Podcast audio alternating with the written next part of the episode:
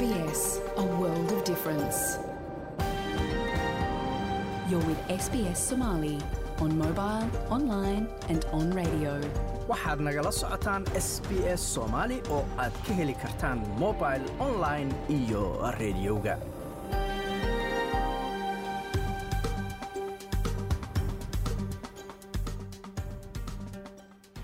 habeen wanaagsan dhammaantiinba meel kastoo aad joogtaan. Waa habeen jimcaha bisha agostan ay tahay afar sannadka labada kun iyo labaatan iyo saddexda halkaad naga dhegaysanaysaanna waa laanta af soomaaliga ee idaacadda s b s oo idinkaga imanaysa stuudiogaanu ku leenahay magaalada melbourne. Magacayguna waa xasan jaamac. Waxyaalahaad caawa idaacadda ku maqli doontaana waxaa ka mid ah. An Australian citizen. But we would encourage people that if you've moved or if you're not sure if your enrolment is up to date, you can check your enrolment at aec.gov.au and you can just check there to make sure that all your enrolment details are up to date. waa warbixin ku saabsan aftida codka baarlamaanka ee dadka indigeneska ee dalkanu ka dhici doonta. Maxay tahay aftidaasu yaa xaqu leh inay ka codeeyaan? Ayaad ku maqli doontaan. Sidoo kale waxaa ka mid ah. Qaarkood iyagoo isku sheegaya inay ka danqanayaan ciidamada xoogga dalka soomaaliyeed iyo shacabka soomaaliyeed ayay fidno ka dhex wadaan ciidamada xoogga dalka soomaaliya. Ma xishoonayaan. Diin ma leh. Dadnimo ma leh. Soomaalinimana jirkooda kuma jirto. Xumaan wadayaashaas taasina waxay qayb ka tahay wararka soomaaliya. Waxaad sidoo kale maqli doontaan? Faransiiska anigoo toddoba korneyl annagoo ah u tagnay ereygu ugu yidhi markaa maamul goboleed ma jiro. Caawan idiin sheega arrin sinoo idiin sheega. Wuxuu yidhi soomaali galbeed iyo d iska hilmaamay maab intuusa u soo qaaday ayuu wuxuu yidhi iska iloowa. Meeqaati shan maamul goboleed ayaa la idiin samaynaa waa waa codad ka mida qaar ka mida aragtida jaaliyada jaaliyadda magaaladan melbourne oo ka hadlaya lixdan iyo saddexdii sano ee soomaaliya ay xor tahay dhibaatooyinkii soo martay iyo xalka. Marka horese wararka caawa waxaa ugu waaweyn china oo qaaday canshuuro muran badan dhaliyey oo ay hore u saartay qamadiga nooca baaliga la yidhaahdo ee australia ay u dhoofin jirtay dalkaasi waa china madaxweynihii hore maraykanka donald trumpna waxa uu ka tegey maxkamad kadib markii uu sheegay inuusan qiranayn dembiyada lagu soo ogay ama loo haysto. Wararkaas iyo kuwo kale ayaad maqli doontaan u diyaar garooba.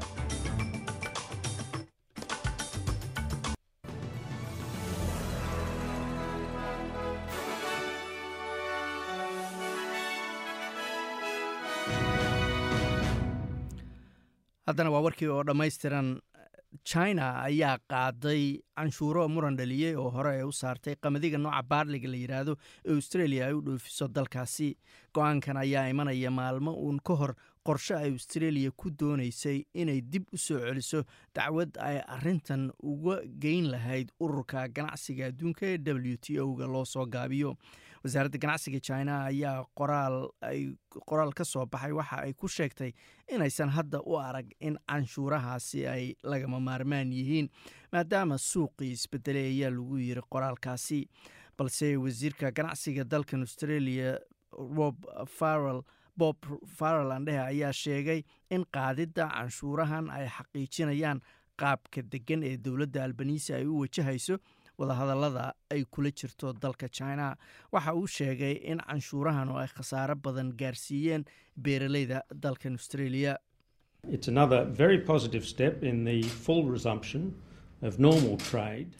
Tani waa tallaabo kale oo dhanka wanaagga loo qaaday oo fiican ayuu yidhi oo si buuxda dib u soo celinaysa xiriirkii ganacsiga ee caadiga ahaa ee u dhexeeyey china iyo australia wixii ka dambeeyey bishii may labadii kun ayuu yidhi siddeed dhibic shan boqolkiiba canshuurta ay china ku soo rogtay qamadiga baaliga la yidhahdo ee dalkan australia wuxuu joojiyey ama istaajiyey hal bilyan oo doolar oo qamadigaasi looga gedi jiray suuqyada china ayuu yidhi wasiirka ganacsiga ee dalkan australia. Wararkii dalkan gudihiisa ayaanu ku jirnay xisbiga greenka ee dalkan australia.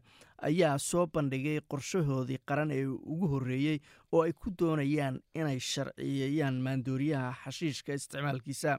Senator david shubridge ayaa sheegay inuu la tashaday ama talooyin ka doontay qareemo markaasi arrimaha dastuurka ku takhasusay. Sidoo kalena ay jawaabo ka heleen oo la xiriireen toban kun oo qof oo ay kala hadleen sidii loo sharciyeyn lahaa xashiishkaasi gaar ahaan inay isticmaalaan dadka qaangaarka ee dalkaoo dhan ah. Wadatashi dadweynaha lala yeeshay ayaa lagu ogaaday baa layidhi in siddeetan iyo labo boqolkiiba dad ka badan ay aaminsan yihiin inay tahay in xashiishkaasi la sharciyeeyo. Halka konton iyo lix boqolkiiba ay horeba si madadaalaa ugu isticmaali jireen ayaa layidhi xashiishka queenslandna waxa ay ku biirtay gobolka south australia oo markaasi bixinaysa ayaa layidhi tallaalka xanuunka menenjocolcol la yidhaahda b kaasoo la siinaya baa layidhi carruurta u nugul xanuunkaasi inuu ku dhaco wasiiradda caafimaadka gobolka queensland shannon fentman ayaa sheegtay in queensland ay hadda tallaal lacag la'aana siinaysa carruurta markaas dhashay iyo kuwa da-doodu ka yartahay laba sano iyo weliba dhallinyarada da-dooda udhexayso shan iyo toban ilaa sagaal iyo toban wixii ka dambeeya labada kun iyo labaatan iyo afarta tallaal qaybintan ayaa waxaa ku baxaya ayaa layidhi sagaashan milyan oo dollar saddexda sano soo socda. Tallaalkaasuna waxa uu qeyb ka noqonayaa tallaalada caadiga ee carruurta iskuuleyda la siiyo ama barnaamijka la yidhahdo school immunisation program kaasoo ay bixiyaan baa laga dhakhaatiirta xaafadaha ee g p ga la yidhaahdo xarumaha tallaalada ee bulshooyinka iyo weliba xarumaha ama adeegyada caafimaadka dadka aboriginalka iyo torres straight islandarka booliska ayaa sheegay in hogaamiyaha federaalka ah hogaamiyaha mucaaradka federaalka dalkan australia aan lagu wargelin faahfaahiyo ku saabsan nin ganacsadaa oo lagu eedeeyey inuu markaasi laaluush siiyey siyaasiyiin u dhashay dalka nauru. Kadib markii uu helay qandaraas uu markaasi kaga shaqeynaya xeryaha dadka qaxootiga lagu hayo ee dalkaasi hogaamiyaha mucaaradka peter dutton ayaa hore isagu u dafiray inuu la socday markii wasaaraddiisa waa wasaaradda arrimaha gudaha ee dalkan australia ay qandaraas lacagtiisu gaaraysa sagaal dhibic saddex milyan oo dollar la gashay ninka la yidhaahdo musamil bojani labadii kun iyo sideed iyo tobanka. Markaas oo master dutton uu ahaa wasiirka arrimaha gudaha ee dalkan australia ku-xigeenka madaxa ama taliyaha a f b neil gogan ayaa u sheegay dhegeysi sanadka ah in uu hore waxa uu ugu sheegay ama baarlamaanka ku yiri master dutton arrintan waa lala socodsiiyey labadii kun iyo sideed iyo tobankii. Wararka dibaddana madaxweynihii hore ee dalka maraykanka donald trump ayaa ka tegey maxkamad kadib markii uu u sheegay maxkamaddaasi inuusan qirsanayn dembiyada lagu soo ogay oo ahaa inuu ka mas'uul ahaa oo hogaaminayay been abuur ballaaran oo uu ku doonayay in lagu tuuro natiijadii doorashadii madaxweyne ee labadii kun iyo labaatankii master trump oo ah musharaxa madaxweyne ee ugu cadcad xisbiga jamhuuriga ayaa hortegay xaakin fadhiya maxkamad hal kilomitir oo keliya u jirta aqalka baarlamaanka oo ah dhismihii ay taageerayaashiisu weerareen janaayo lixdeedii labadii kun iyo labaatani kowgii si ay isugu dayaan inay kongareska ka joojiyaan ama ka hor istaagaan inuu ansixiyo guushii joe biden. Master trump ayaa qodbo gaaban u jeediyey warbaahinta ka hor inta uusan ka noqon washington d c oo ahayd halka maxkamadda lagu soo taagay.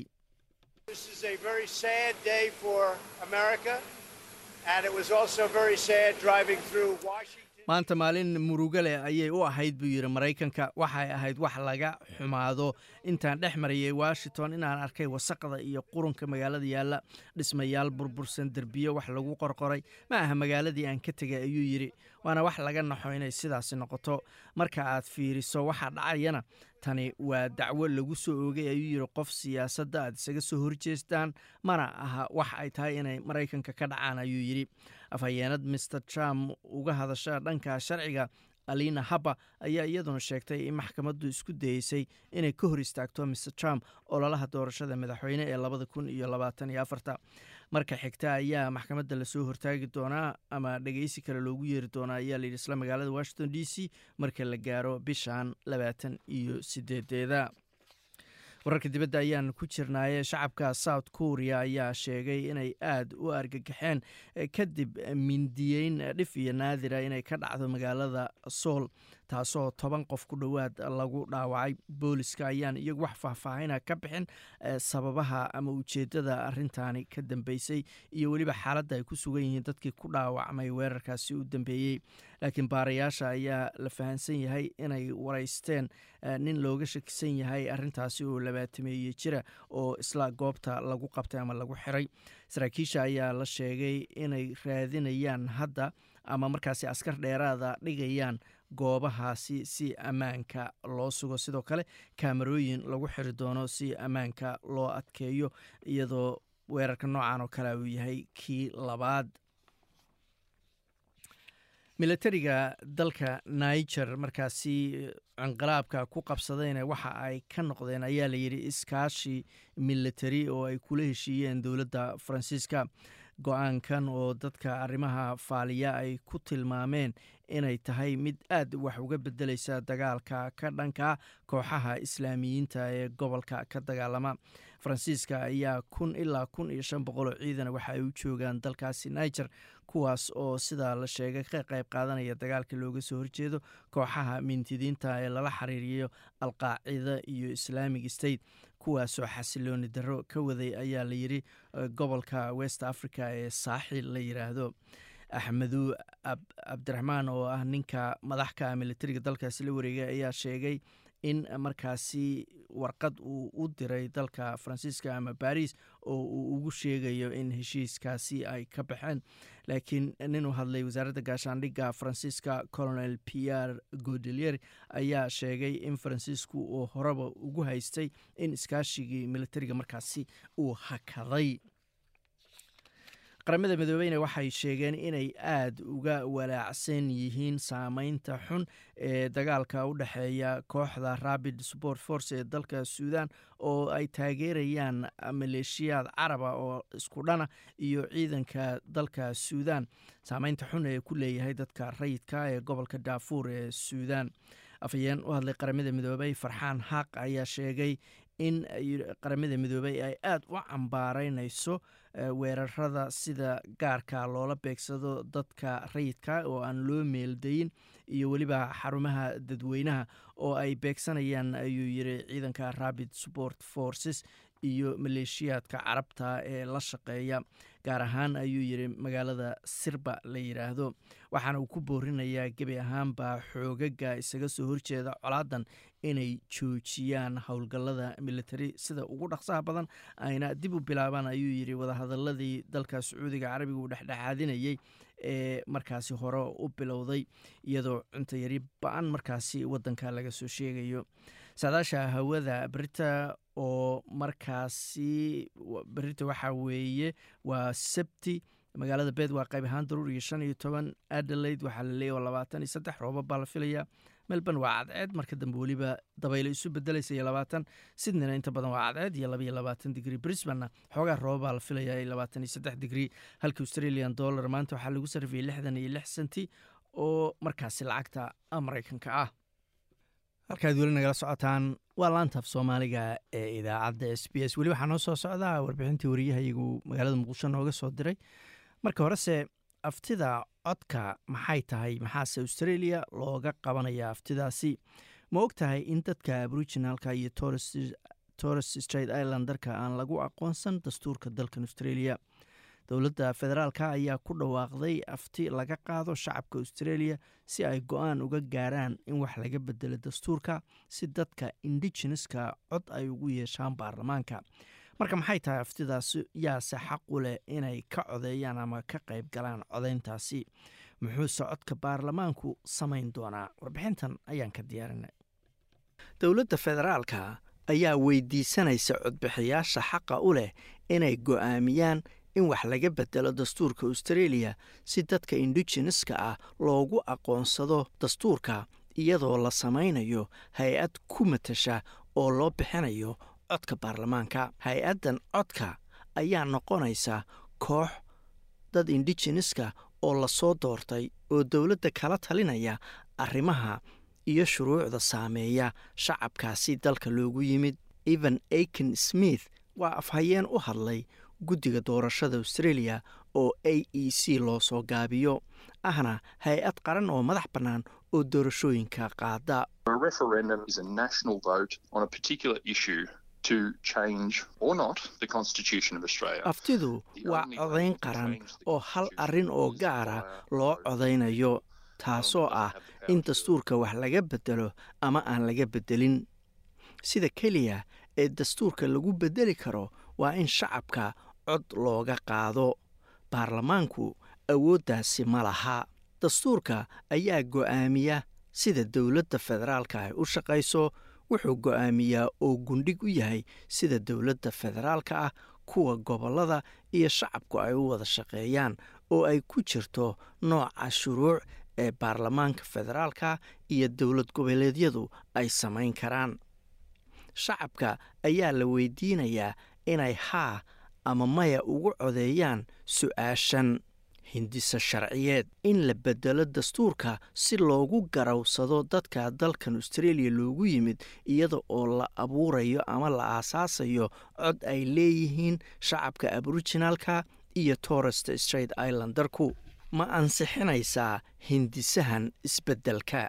Afhayeenka a a c aiken smith ayaa sharaxaya in si aftidu u guulaysato loo baahan yahay inay hesho taageerada laba aqlabiyadood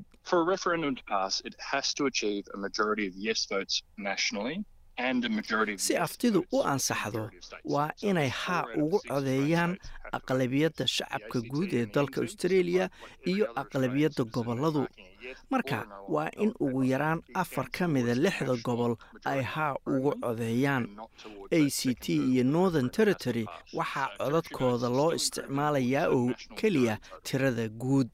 Codka baarlamaanka ee la hindisayo wuxuu noqonayaa mid rag iyo haween ay isu dheeli tiran yihiin matashana dhammaan dadka indigeneska ah ayna soo doorteen bulshooyinkaasi dalka loogu yimid oo ku matalaya in baarlamaanka iyo dowladda ay kala taliyaan shuruucda saameeya dadka dalka loogu yimid. Hay'adda codku ma yeelan doonto awood ay iyadu shuruuc ku samayso mana laha codka qayaxan maalgelinna ma qoondayso baarlamaankuna hawshiisii caadiga ahayd ayuu wadanayaa oo waxba taas iska beddelimayaan rofeor megan davis waa haween ka soo jeeda beesha cobol cobol dastuurkana ka dhigta jaamacadda new south wales waxayna qayb ka ahayd guddi khuburo ah oo loo saaray aqoonsiga dastuurka ee bulshada aboriginalka iyo torres straight islandarka guddigan ayaana soo jeediyey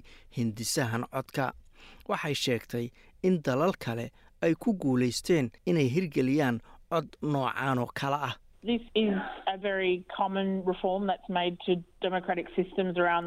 Tani waa isbeddel caadiya oo nidaamyo dimuqraadiya oo caalamka oo dhana lagu sameeyey si loo xaqiijiyo in codka dadka indigeneska la dhagaysto marka dowladdu shuruuc iyo siyaasad iyaga khuseeyo ay samaynayso. Mid ka mida sababaha aan u soo xiri weynay farqiga nololeed ee u dhexeeya bulshada indigeneska iyo bulshaweynta guud. Waa in dowladdu aysan inta badan la tashanayn bulshooyinkaasi marka ay sharci iyo siyaasad iyaga khuseeya samaynayeen. Dean barkin waa nin ka soo jeeda beesha kuandamoka waana madaxa from the heart oo ah ololo codka baarlamaanka lagu darayo dastuurka. Wuxuu aaminsan yahay in codku ka caawinayo ballanqaadka heer aaya ka tashi oo ay dadka dalka loogu yimid helaan maadaama ay tahay in dowladdu ay dhegaysato bulshooyinkaasi caqabadaha haysta cid ka taqaan aysan jirin ama iyagu yihiin kuwa aadka u garanaya.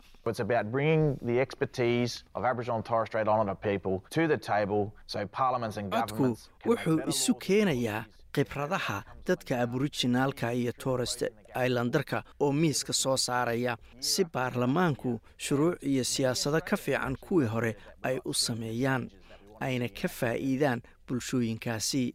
Shacab badan oo australiyaana ayaa ka caraysan inaysan arag isbeddelkii ay doonayeen inay bulshooyinkaasi ka arkaan. Shacabka indigeneska ee australia aragtiyo siyaasadeed oo kala duwan ayay laftigoodu qabaan. Qaarkood waa ay diidan yihiin hindisaha codka waxaana dadkaas ka mid ah siyaasiyiin caana oo indigenesa jacinda price oo ah senatarad liberaalah oo laga soo doorto northern territory iyo hogaamiyihii hore laybarka warren mandin ayaa qayb ka ah dadka u ololeynaya maya. Waxayna ku doodayaan in codka baarlamaanku uusan wax weyn ka bedelayn dhibaatooyinka haysta bulshooyinka indigeneska ah. Iyadoo wakhtiga aftidu soo dhow yahay ololayaasha haa iyo maya ayaa soo jeedinaya doodo kala duwan oo ama ay ku taageerayaan ama kaga soo horjeedaan codka. Afhayeen ivan aiken smith ayaa sheegay in a e c waa guddiga doorashada australia ay laftigoodu wadaan olole lagu wacyigelinayo toddobiyo toban milyan oo shacabka australia oo u diiwaan gashan inay codeeyaan On referendum day. Uh, there'll also be early voting centres available. waxaan kumanaan goobood oo lagu codeeyo ka samaynaynaa dalka oo dhan maalinta aftida waxaa sidoo kale jiri doonaa xarumo dadku ay hore ugu sii codayn karaan toddobaadyo ka hor maalinta codbixinta marka haddii aadan maalintaas codayn karin waxaad tegi kartaa goobaha hore looga codayn karo waxaan kaloo fududaynaynaa in dalka dibaddiisa laga codeeyo in boostada lagu codeeyo iyo sidoo kale in dadka aragga naafada ka ah ay telefoon ku codayn karaan. Taariikhiyan in lagu qanciyo shacabka australia in dastuurka la bedelo ma ahayn mid sahlan. Wixii ka dambeeyey markii dalku noqday federaal kun iyo sagaal boqoliyo kowdii siddeed aftiyood oo keliya ayaa ka guulaystay afartan iyo afar aftiyood oo la qabtay. Aftidii u dambeysay ee loo qabto arrimaha dadka indigeneska waxay ahayd kun iyo sagaal boqoliyo lixdan iyo toddobadii. Guushii laga gaaray aftidaasna waxay u ogolaatay in shacabka indigeneska ah loo aqoonsaday inay australiyaan noqdaan oo lagu daro tirakoobka dalka.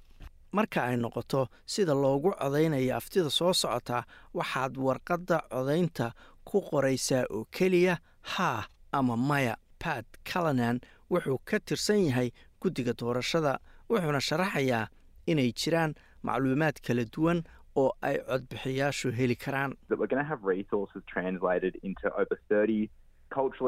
Waxaa jiri doona macluumaad lagu turjumay in ka badan soddon luqadood oo laga heli karo websaytekeenna iyo telefoon loo diro adeegyada turjubaanka haddii aad u diiwaan gashan tahay inaad ka qayb qaadato doorashooyinka caadiga ah ee kale waxaad sidoo kale xaq u leedahay inaad u codayso aftidan. Tan ayaa macnaheedu yahay in codaynta aftidu khasab ku tahay dhammaan muwaadiniinta diiwaan gashan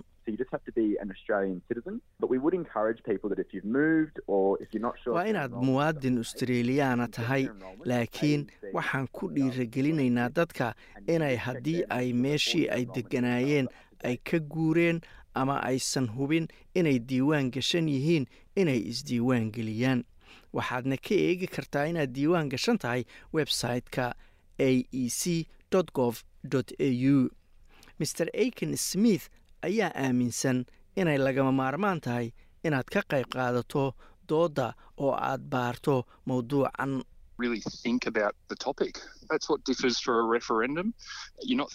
si fiican uga fakar mowduuca waana waxa aftidu uga duwan tahay doorashooyinka kale.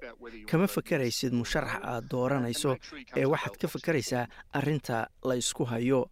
Marka si taxadar la u baar ka fiirso inaad haa ama maya u codayso hubina inaad qolka aad ku codaynaysa gasho adoo macluumaad kugu filan haysta ama ka dharagsan mowduucan waxaa kaloo muhiima in la sheego in natiijadani ay noqonayso mid sharciya oo aan laga noqon karin sida uu sharaxayo maer calanan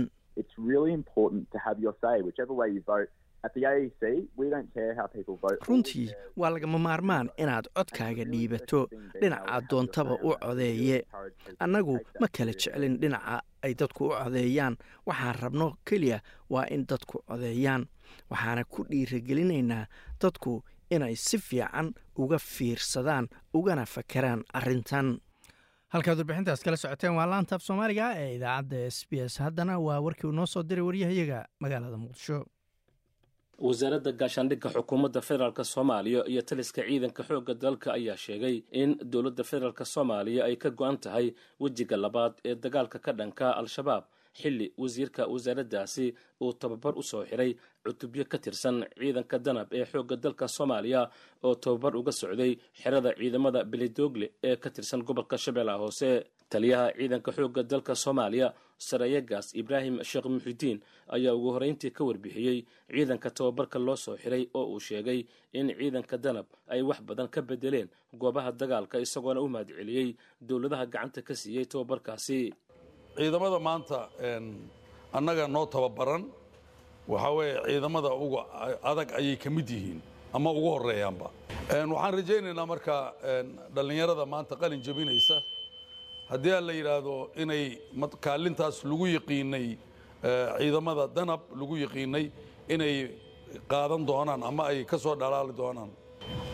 Danab waxay wax ka bedeleen goobaha dagaalka ee lagula dagaalamaya khawaarijta wax badan ayay ka bedeleen for example gaashaan ture ee xeradan in loogu magac daro markaan soo qaadanno ilaa hadda ma jiro sarkaal kale oo lagu magacaabay munaasabad sidan oo kale ah.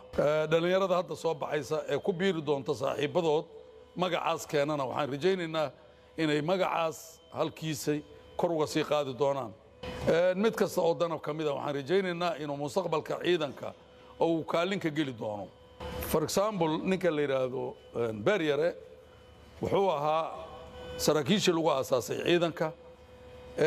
Markii uu ciyaarta oo garoonka uu ka soo baxay markiiba waxaa loo magacaabay maanta madax hoggaan ayaa loo magacaabay. Maanta la joogo waa madaxda hogaamada ciidamada hogaamada ugu muhiimsan ayuu maanta madax ka yahay. Nin kasta oo ka mida ama mid kasta oo ka mid ah danabna rajada noocaasa wuu leeyahay. Nasiib wanaag wakhti fiican ayay ku soo aadeen oo saaxiibbadu ay aad noo gacan siiyaan. Goobaha dagaalada ay aad nooga gacan siiyo marka waxaan rajaynaynaa isbeddelka cusub iyo gacansiinta walaalaha sida maraykanka iyo dowlado badan oo kale gacanta ayna siiyaan waxaan rajaynaynaa iyagoo ka faa'iidaysanaya inay magaca guusha baabi'inta khawaarijta inay qaadan doonaan. Danab.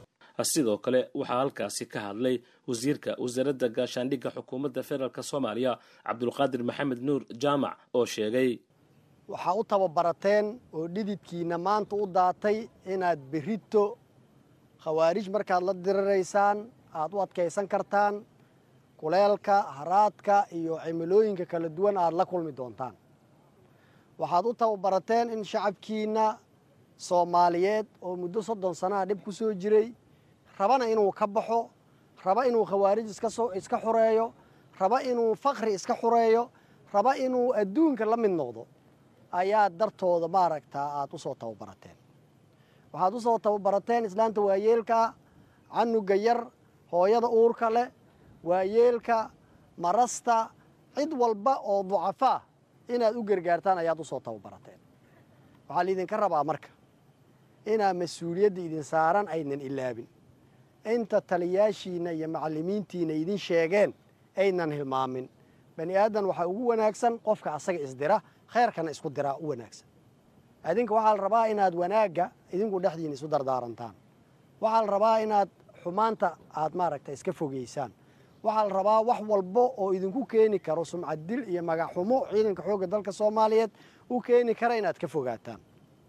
Taa marka waa waxaan leeyahay waa taas midda xigta oo dadka soomaaliyeed xaqiiqdii qulubtooda mar walba ku weyn. Waxa waaye nimankaa ummadda dhibaateeyey oo maalkooda iyo diinkooda iyo sharafkooda goormay naga dhammaanaya. Dadkii marka waxaa soo afjari lahaa su'aalahaas oo ummadda soomaaliyeed isweydiinayso dhammaystiri lahaa inaad noqotaan ayaa laidinka rabaa dowladdiinna oo uu ugu sareeyo madaxweynaha qaranka. Maaragta idinkama hakran doonto. Wax allaala waxay awooddo wasiirka ayaa dhanka kale waxa uu carabka ku adkeeyey inay jiraan oo ay og yihiin dad taageersan. Kooxaha dowladda ka soo horjeeda ee dagaalka kula jira isagoona xusay in qofkii dhiirogeliya maalgeliya taageera islamarkaana buunbuuniya uu iyagu la mid yahay sida uu yidhi. Qodobka xiga waxa waaye waxaad arki doontiin siduu taliyaha idin sheegay. Dad badan oo xumaanta jecel oo fidno iyo balwad iyo xumaan oo dhan waxay ahaydba idinla soo doonan doon inaad ka fogaataan ayaa lidin qaarkood idaacadahay la taagan yihiin ma qarinayaan isma qarin karaan xat fiidowyaashii khawaarijta ayay intay cod soo kor saartaan iyagoo magac soomaaliyeed sheegaayo ayay laamiyada la taagan yihiin. Xishood darra dar qaarkood iyagoo isku sheegaya inay ka danqanayaan ciidamada xoogga dalka soomaaliyeed iyo shacabka soomaaliyeed ayay fidno ka dhex wadaan ciidamada xoogga dalka soomaaliya ma xishoonayaan. Diin ma leh dadnimo ma leh soomaalinimana jirkooda kuma jirto. Xumaan wadayaashaas sharwadayaashaas oo aanan khawaarijta derajo badan dheereen waxaa la rabaa inaynan quluubtiinna wax gaarsiinin. Cadowga ummadda soomaaliyeed waa hal waa khawaarij. Ninkii khawaarij kelimad ugu gargaara ninkii maal ugu gargaara ninkii dhiiri geliya khawaarij waxba ma dhaamo. Culummada horey uga fadwootay intay isugu yimaadeen magaalada muqdisho khawaarij ninkii maal ku deeqa ninkii fikir ku deeqa ninkii taageero kale ku deeqa ninkii buunbuuniya waxba isma dhaamaan. Waa khawaarij kale. Ummadda soomaaliyeed ee ha ku keedsoomina nimanka idaacadaha taagan yutuubyada u furtay khawaarij inay dhiiri geliyaan ha ku kadsoomina toddoba boqol oo kilomitir baa xora oo dhiig walaal soomaaliyeed lagu waraabiyey oo lagu maaragta oo shacab iyo ciidanba leh ayaa maaragta toddobadaas boqol oo kilomitir inay xor loogu socdo kallifay oo sabab u ahaa. Intay madaxeena kor uu yahayna qof aan ka yeelayno ilaahay abuurtay lama arko halkaad warbixintaas kala socoteen waa laanta soomaaliga ee idaacadda s b s. Weli waxaad nagala socotaa waa laanta soomaaliga ee idaacadda s b s. Weli waxaa noo soo socdaa qeybtii saddexaad ee barnaamijkeenii s b s len english oo ah barnaamij afka ingiriiska gaar ahaan sida australia looga hadlo aad ka baran kartid. Marka horese dalka soomaaliya muddo soddon iyo dhowr sano ka badan ayaa hadda dhibaatooyin ka jireen wixii ka dambeeyey markii dowladda ay dhacday. Haddaba dadka soomaalida siyaalo kala duwan ayay u dhigaan sababaha markaasi dhibkaas uu u dhacay iyo dhibaatooyinka dowlad la'aanta ee dalka weli haysata iyo dhibaatooyin kale ka jira. Dhowaan xuskii kowdii luuliya lagu qabtay magaalada melbourne ayay qaar ka mida aqoon-yahanada iyo odayaasha magaaladu khudbooyin kala duwan ka jeediyeen. Haddaba cornel ibraahim samed iyo cabdulaahi aadan ayaad maqli doontaan codkooda iyo khudbooyinka halkaas ay ka jeediyeen iyo arrimaha soomaaliya. Waxaa ku bilaabaya marka hore ibraahim samed cornel ibraahim samed cadal badan uma soo istaagin. Waxaan idii sheegaa marka. Waxaa soomaalidu tirada waxaa la yidhahdaa xornimo waxay tahay waxaa la weydiiyaa qofka gumaysi soo maray. Dowlad la'aanna waxaa la weydiiyaa qofkii dowlad soo maray. Marka aniga ibraahim xabsimada dowladaan soo maray waxbarasho lacag la'aanaan soo aan soo dhigtay difaaca dalka calankan garab taagan garabkayga ka lulana waxaan ugu jiray dhufays sagaal sano. Inaan difaaco sagaal sano aan ugu jiray dhufays maantana dadkiisii ayaa ayaa qaar laga difaaca. Waa waxa laga xumaa. Okay midda kale waxaan idiin sheega aniga australian jooga. Australia qaxooti ku tegaysaa iguma jirin maantana waxaan ku joogaa waa garan kartaa malay. Okay dowladda markay dhacaysay ninetygii aniga taliyo gobol a waxaan ka ahaa baydhabo gobolka baay. Waxay ku dambaysay marka oo wada garan karnaan malay. Waxaa waaye alxamdulilah cabdullaahi yuusuf allah u naxariisto ayaa waxaa waaye soo bilaabay 1996 madaxtooyadan tegey haddaan idiin sheego madaxtooyadan markaas oo wax jooga aysan jirin teetiin uu ka baxay. Iyo tiyaatarka oo asna ay ku dhalaayeen eeyaha. Marka marxaladooyin badanaan soo marnay khayr allah siiya cabdullahi yuusuf. Maanta waxaa waaye madaxtooyada allah u naxariistana waa leeyahay madaxtooyadana maanta yacni waxaa waaye kaarbet madaxweynaha soomaaliya xasan sheekh marka mid waxaan idin dhihi lahaa waxaa waaye ha loo duceeyo waddanka qalbiga ha la isu furo midnimada ha la ilaaliyo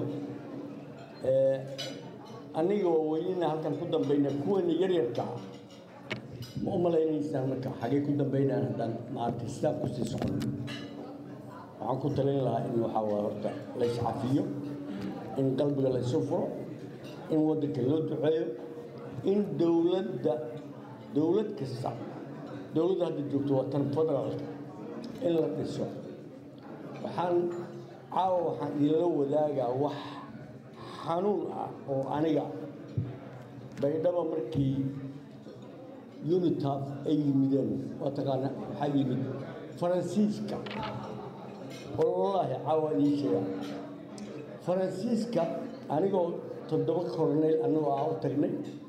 Ereyga ugu yiri markaa maamul goboleed ma jiro. Caawaan idiin sheega arrin sinoo idiin sheega. Wuxuu yidhi soomaali galbeed iyo d iska hilmaamay maab intuusa u soo qaaday. Ayuu wuxuu yidhi iska iloowa. Meeqaati shan maamul goboleed ayaa la idiin samaynaa waa faransiiska ninkii korneylkii ciidankaasi yacni waxaan u qaatay riwaayad. Waxaa waaye maxaa soo?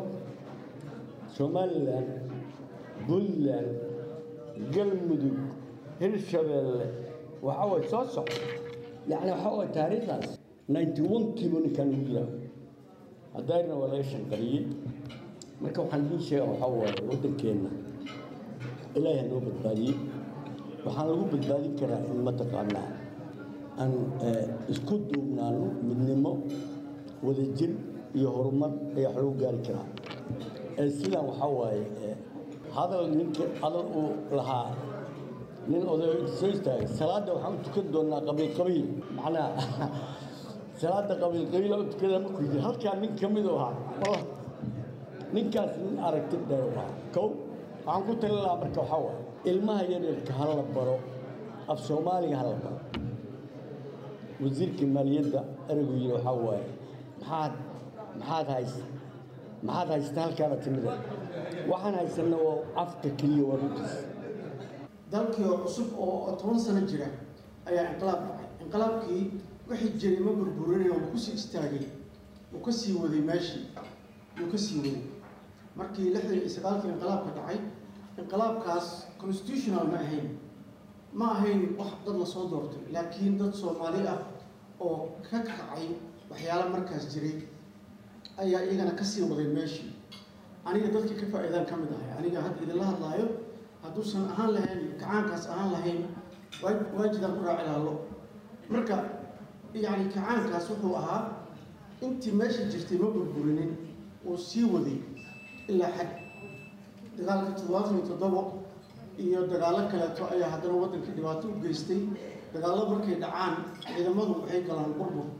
Dagaaladaas markay soo noqdeen burburkii haddana dalkii wuxuu geliyey dagaal sokeeye dagaalkii sokeeye marka dadkii wax la soo baray iyo maskaxdii lixdankii kontonkii sideetan wixii ka horreeyay oo dhan ayaa waddanka ka baxday. Dadkaas waxaa ka mid ah inta meeshaan fadhido iyo in la mid a ayaa waddanka ka baxay.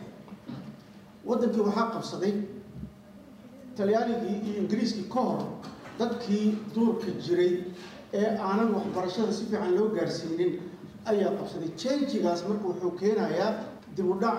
Dalkii wuxuu galay konton sano toddobaatan sano ayuu dib u dhacay.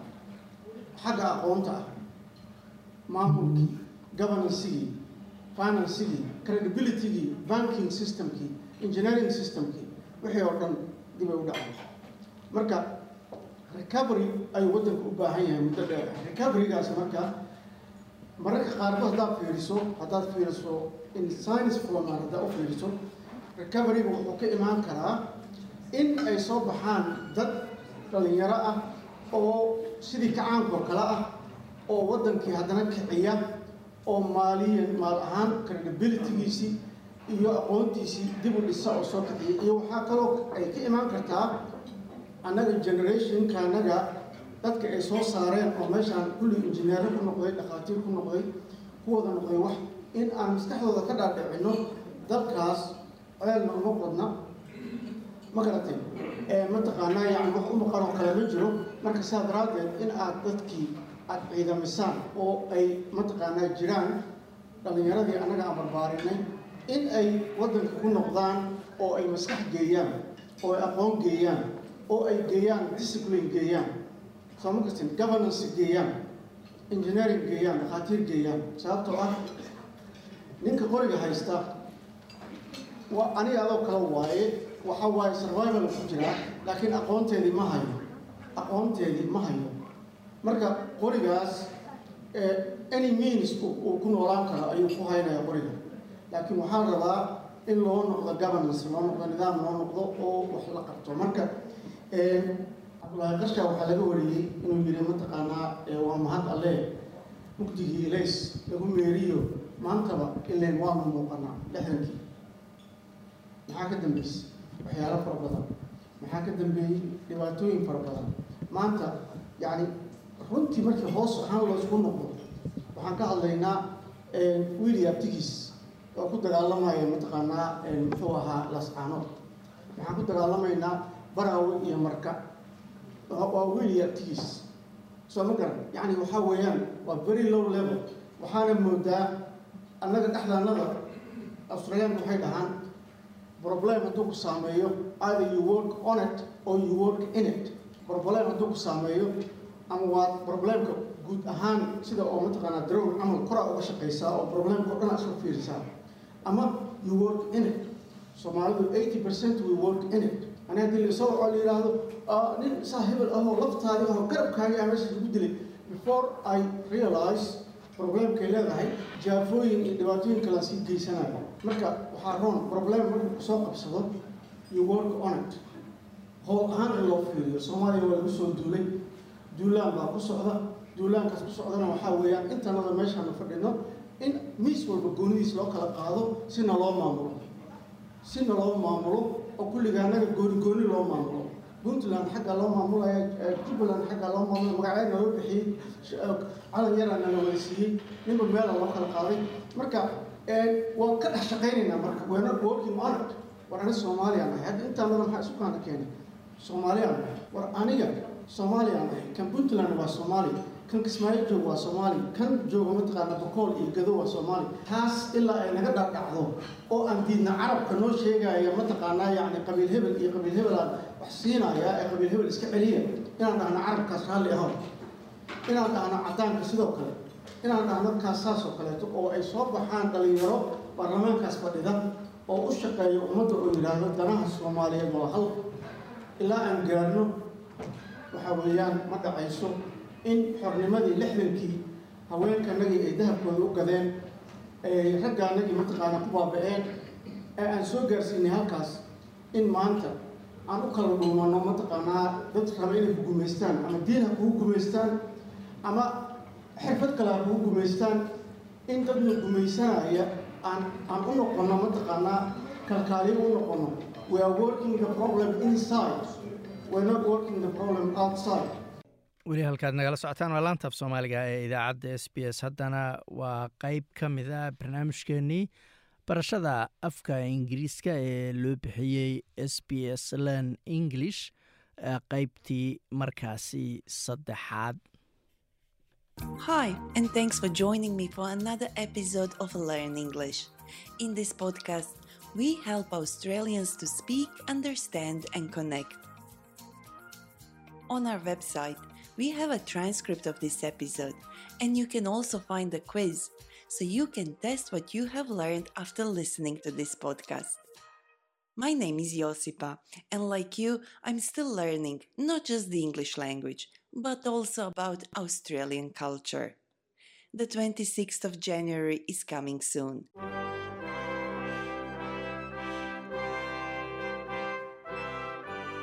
And for many migrants, including myself, that is a very special day. A few years ago, on the 26th of January, I became an Australian citizen. In the ceremony, I pledged my loyalty to Australia and its people. That means I promised to be loyal to Australia. This was a great day for me, and so I celebrate every year with my friends and family. But the 26th of January is not a happy day for all Australians.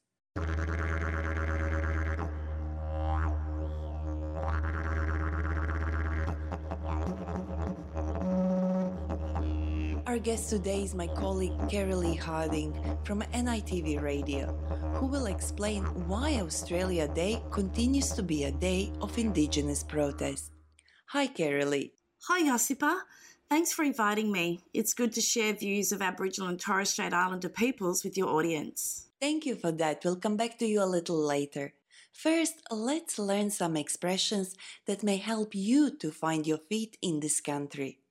By the way, to find one's feet means to start to feel comfortable in a new situation or to begin to be confident or successful in doing something. When I first came to Australia and I was still finding my feet, I had an embarrassing experience. What happened was, during a dinner at my friend's house, I met new people and I asked this question Where are you from? I was shocked to realize that my question was offensive to some of them. I was genuinely curious about their background because their accent wasn't local, but I didn't know that asking someone, Where are you from? could make some people feel uncomfortable. To be honest, I couldn't understand what I had done wrong until my colleague Abdullah from SBS Pashto, who has been an Australian a lot longer than me, explained the problem. As soon as I start speaking, people ask me where I am from, and that question implies that I don't belong here. There are many ways to ask this question more respectfully. If you're curious about someone, you could ask them, What is your family background? Even a simple question like, Where did you grow up? is much better than saying, Where are you from? Or you could do what I did when we first met and you told me your name was Josipa. I said, I never heard that name before. Where is it from? What is your family background? Uh, where did you grow up? I have never heard of that name before. Where is it from? Okay. After talking to Abdullah and writing down his suggestions, I decided to test them. So I called my manager Janine she speaks like a local Aussie, but her Asian features, that is, the shape of her eyes, the color of her skin and hair, tell me that there is a possibility that she could also be a migrant. This is how our conversation went. Hi, Josipa. Janine, what is your family background? So, I was born in Australia, but I have Chinese heritage. Both my parents are Chinese, and my dad's family have lived in Australia for a long time. My mum came to Australia from Malaysia to study, and she met my dad at university here. I'm really proud of my Chinese heritage. When I was young, I used to go to Chinese school to learn the language, and I hated it then. But now I've been trying to learn the language myself, and I wish I paid more attention when I was young. If I asked Janine where she's from, she would have simply said that she's from Australia. By asking what her family background is, we learned about her heritage. Heritage is a word that represents family background and also the things that we value and that are being passed from one generation to another by parents to their children, like religion, education, books, and movies, among others. We all have a heritage. It's your family background, your culture, and your history. The next question my colleague Abdullah suggested we use is Where did you grow up? Let's see who I could call to test this question. Mm, I know, my friend Luca.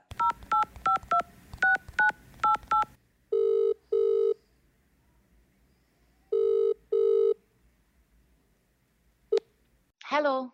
Hi, Luca. I'm making a podcast about people's cultural background. Do you have a moment to answer one question? Sure, go ahead. I'm curious to know where did you grow up? I grew up in Budapest. That's the capital of Hungary. It's really a beautiful city with some amazing architecture. It's also called the city of baths because it has 118 mineral pools. And I think I had a great childhood, complete freedom, you know, climbing trees, driving a bicycle to school, or playing outside my parents' house until it gets dark. Waxaad dhegeysanayseen waa qeybtii saddexaad ee barnaamijkeenii s b s learn english. Barnaamijkaas oo dheer waxaad ka dhegeysan kartaan gebi ahaantiisba website-kayga oo ah www s b s com a u xariijin soomaali iyo sidoo kale qeybihii hore ama qeybtii koowaad iyo weliba tii labaad. Qeybaha kalena barnaamijyada dambe ayaad sidoo kale ku maqli doontaan gabagabadii idaacaddeena caawa ayaanu soo gaarnay wararkana waxaa ugu waaweynaa china ayaa qaaday canshuuro muran dhaliyey oo ay hore u saartay qamadiga australia nooca baaliga la yidhaahdo oo australia ay u dhoofin jirtay china. Madaxweynihii hore ee maraykanka donald trumpna waxa uu ka tegey maxkamad la soo hor istaajiyay oo ku taalla washington d c kadib markii halkaasi uu u sheegay inta la weydiiyey dembiga markaasi lagu soo ogay inuu qirsan yahay in kale oo uu sheegay inuusan qirsanayn dembiyadaasi idaacaddeenii caawana intaas ayaanu ku soo gebagabaynaynaa waa aniga oo xasan jaamac oo indhalintaas iyo nabadgelyo